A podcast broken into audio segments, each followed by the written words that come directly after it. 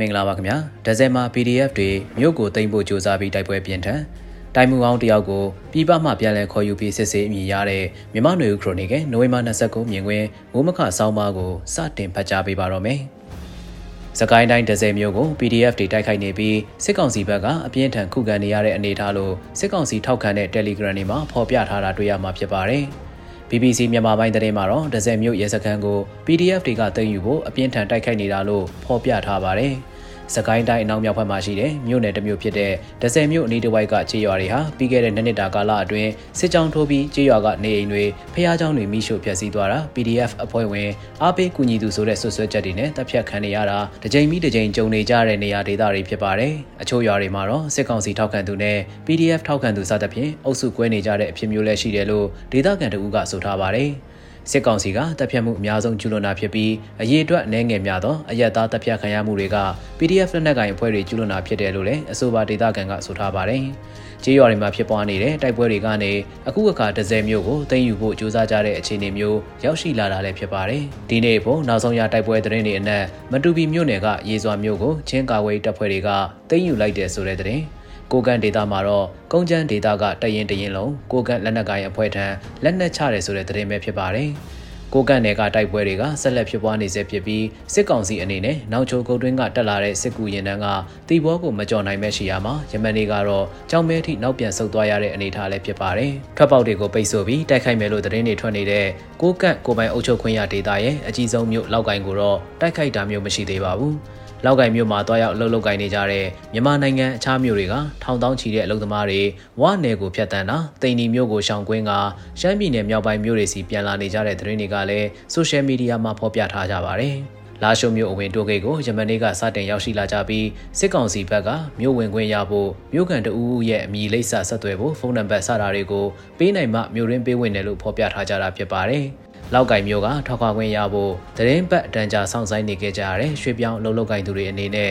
ဆိုင်ကယ်ကားခြေချင်းအသီးသီးပြန်လာခဲ့ကြရသလိုအချို့သောသူတွေအနေနဲ့၃-၄ရက်တာအတွင်းထမင်းမစားခဲ့ကြရတဲ့အဖြစ်မျိုးကြုံရတာဆိုင်ကယ်တွေပြတ်တဲ့အခါတော်လန်တွေမောင်းနေလို့မရတော့တဲ့အခါလမ်းမှာဆွန့်ပစ်ခဲ့ကြရတယ်လို့လည်းခက်ခဲကြမ်းတမ်းတဲ့အတွေ့အကြုံတွေကိုပြန်လည်ပြောပြထားကြတာတွေ့ရပါတယ်။ ဒီဖြစ်ရပ်တွေဂျာတိယတပ်ပုံတွေမြင်ရတဲ့အခါဒုတိယကမ္ဘာစစ်ဖြစ်ပွားစဉ်ကအင်္ဂလိပ်ဆုတ်ခွာစဉ်အရက်သားတွေပါတင်းရှောင်ကြရတဲ့အဖြစ်အပျက်မျိုးနဲ့အလားတရန်တူညီတဲ့အဖြစ်အပျက်တွေလို့နှိုင်းရှင်တွေးမိစရာဖြစ်ပါတယ်။ရှမ်းပြည်နယ်မြောက်ပိုင်းဒေသအနှံ့ပြားမှာတိုက်ပွဲတွေဖြစ်ပွားနေတာဖြစ်လို့အခုလိုလူတောင်းနဲ့ချီလောက်ကင်ကနေမိုင်နဲ့ရာချီခရီးကိုထွက်ပြေးတင်းရှောင်နေရတဲ့အဖြစ်အပျက်ကိုဒီဒေသမှာအုပ်ချုပ်ရေးကိုတာဝန်ယူထားတဲ့စစ်ကောင်စီအုပ်ချုပ်ရေးလုံခြုံရေးတွေအနေနဲ့ဘာမှစီစဉ်ဆောင်ရွက်တာမျိုးမတွေ့ရပါဘူး။ တာစီတာအန်ဒီရဲ့ကြီးကြီးမားမားမပေးရင်ကိုပဲတော်သေးတယ်ဆိုတဲ့အနေအထားမျိုးမှတ်ယူကတောင်းတဲ့ချီတဲ့လောက်ကင်ကပြန်လာသူတွေအဖို့လန်တလျှောက်ကမြို့ကန်တွေကူညီမှုအချို့နဲ့နေရက်ကိုပြန်ဖို့ကြိုးစားနေကြရတာဖြစ်ပါတယ်။ဒီနေ့မြန်မာနိုင်ငံရဲ့အနေအထားကိုခြုံကြည့်ရမယ်ဆိုရင်ရန်ကုန်မန္တလေးနေပြည်တော်မော်လမြိုင်တောင်ကြီးပသိမ်စတဲ့မြို့တွေမှာတိုက်ပွဲဖြစ်ပွားတာတွေမရှိသေးပေမဲ့ပြည်နယ်တွေ တိုင်းတွေအတော်များများမှာလက်နက်ကင်တိုက်ပွဲတွေမြို့တွေစစ်စခန်းသိမ်းယူတာတွေတိုက်ခိုက်မှုတွေလက်နက်ကြီးကြီးကြပြီးအသက်ဆုံးရှုံးမှုရိတ်ခါဆေးဝါးလောင်စာဆီရှားပါမှုတွေကိုတပြိုင်နက်တည်းရင်ဆိုင်နေကြရတာဖြစ်ပြီးဝင်ငွေရဖို့အသက်ရှင်သန်စားတောက်နေထိုင်ဖို့ထက်အသက်ဘေးလွတ်အောင်အိမ်တွေပိုင်ဆိုင်မှုတွေထားရခဲ့ပြီးပြည်နေကြရတဲ့အနေအထားဖြစ်ပါတယ်။မကြခင်လတွေသတင်းပတ်တွေအထိစစ်ဘေးရှောင်ရလိမ့်မယ်လို့မျှော်လင့်မထားတဲ့မြို့တွေမှာခုနေခါစစ်ဘေးရှောင်နေကြရပြီဖြစ်ပါတယ်။ မူဆယ်လာရှိုတီဘောကြောင်မဲတလျှောက်ကမြို့တွေအနေနဲ့မြို့ကနေစစ်ပေးတင်းရှောင်ရမယ်လို့မကြသေးခင်အချိန်တွေအထိတွေးမထားခဲ့ကြပေမဲ့သတင်းတစ်ပတ်အနည်းငယ်အတွင်းပြောင်းလဲသွားတဲ့အခြေအနေတွေကြောင့်တမျိုးပြီးတမျိုးစစ်ပေးတင်းရှောင်နေကြရတာဖြစ်ပါတယ်။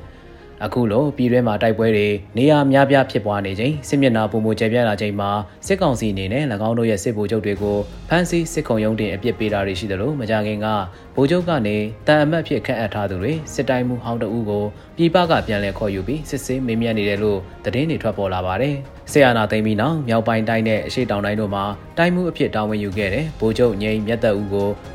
ခေါ်ယူစစ်ဆေးနေတယ်လို့ BBC မြန်မာပိုင်းသတင်းမှာဖော်ပြထားပါတယ်။ မြောက်ပိုင်းတိုင်းစစ်ဌာနချုပ်တိုင်းမှုတာဝန်ယူစဉ်မှာမြောက်ပိုင်းတိုင်းစစ်ဌာနချုပ်နယ်မြေကိုဖျက်ပြီး PDF တွေတန်းလက်နက်ခဲယမ်းတွေရောက်ရှိခဲ့တဲ့ဖြစ်ရပ်တွေအတွက်မကြခင်လပိုင်းကဗိုလ်ချုပ်ကိုကိုမောင်နဲ့အခြားစစ်ရာရှိတွေကိုဖမ်းဆီးစစ်ဆေးကဗိုလ်ချုပ်ကိုကိုမောင်ကိုထောင်ဒဏ်ချမှတ်ခဲ့ပြီးမကြခင်အခုလို၎င်းတာဝန်မယူခင်တိုင်းမှုဖြစ်ခဲ့တဲ့မြတ်သက်ဦးကိုပါခေါ်ယူစစ်မေးနေတာဖြစ်ပါတယ်။ စစ်ကောင်စီအနေနဲ့အခုလိုစစ်မျက်နှာအများပြားနဲ့ရန်သူဝိုင်းဝိုင်းလည်နေချိန်မှာ၎င်းတို့စစ်ဗိုလ်ချုပ်တွေအဆင့်ထိကိုစစ်ဆေးမှုဖမ်းဆီးမှုပြည်တံပေးမှုတွေကိုလှုံ့ဆော်နေတာလည်းဖြစ်ပါတယ်။ဒီလိုအရေးယူမှုတွေကစစ်တပ်ထဲကစစ်ရာရှိကြီးတွေကြားနောက်ကျောမလုံတာတွေမယုံကြည်မှုတွေကိုဖြစ်ပေါ်စေနိုင်တာလည်းဖြစ်ပါတယ်။စစ်ကောင်စီခေါင်းဆောင်ဖြစ်သူမရောက်လိုက်အနေနဲ့၎င်းရဲ့စစ်တပ်အတွင်းအာဏာတိဆောက်ထားမှုကလုံးဝမလှုပ်ခတ်နိုင်ပဲခိုင်မာတယ်လို့ယူဆကောင်းယူဆထားတာဖြစ်နိုင်ပါတယ်။၎ င်းရဲ့ယာရုနေရာကိုစက္ကန့်ပဲလို့ထင်ကြီးပေးခံနေရတဲ့မိုးမြင့်ထွန်းကိုသူ့ကိုယ်တော်ဖမ်းဆီးစစ်ဆေးပြီးထောင်ဒဏ်220ချမှတ်ခဲ့တာဖြစ်လို့၎င်းအနေနဲ့သူ့ရဲ့အာဏာတိဆောက်ထားမှုကခိုင်မာတယ်လို့ယူဆကောင်းယူဆထားတာဖြစ်နိုင်ပါတယ်။စစ်ကောင်စီခေါင်းဆောင်အနေနဲ့တစ်ဖက်မှာတိုင်းရင်းသားလက်နက်ကိုင်အဖွဲ့တွေ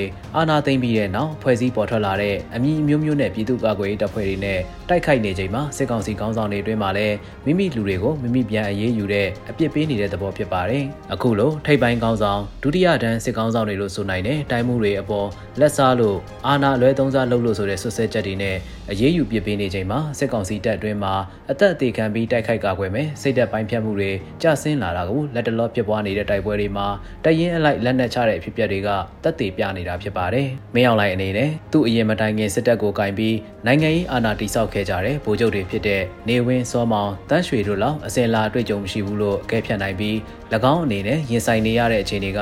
1949 52ခုနှစ်လို့တနိုင်ငံလုံးပြည်တွင်းစစ်အနေအထားကိုရင်ဆိုင်နေရတာဖြစ်ပါတယ်။ထိုစဉ်ကတော့ပြည်တွင်းစစ်ကိုနိုင်အောင်ပြန်လည်တိုက်ခိုက်ခဲ့ကြတာဗမာတပ်မတော်ရဲ့တောမခိုတဲ့တပ်ရင်းတွေ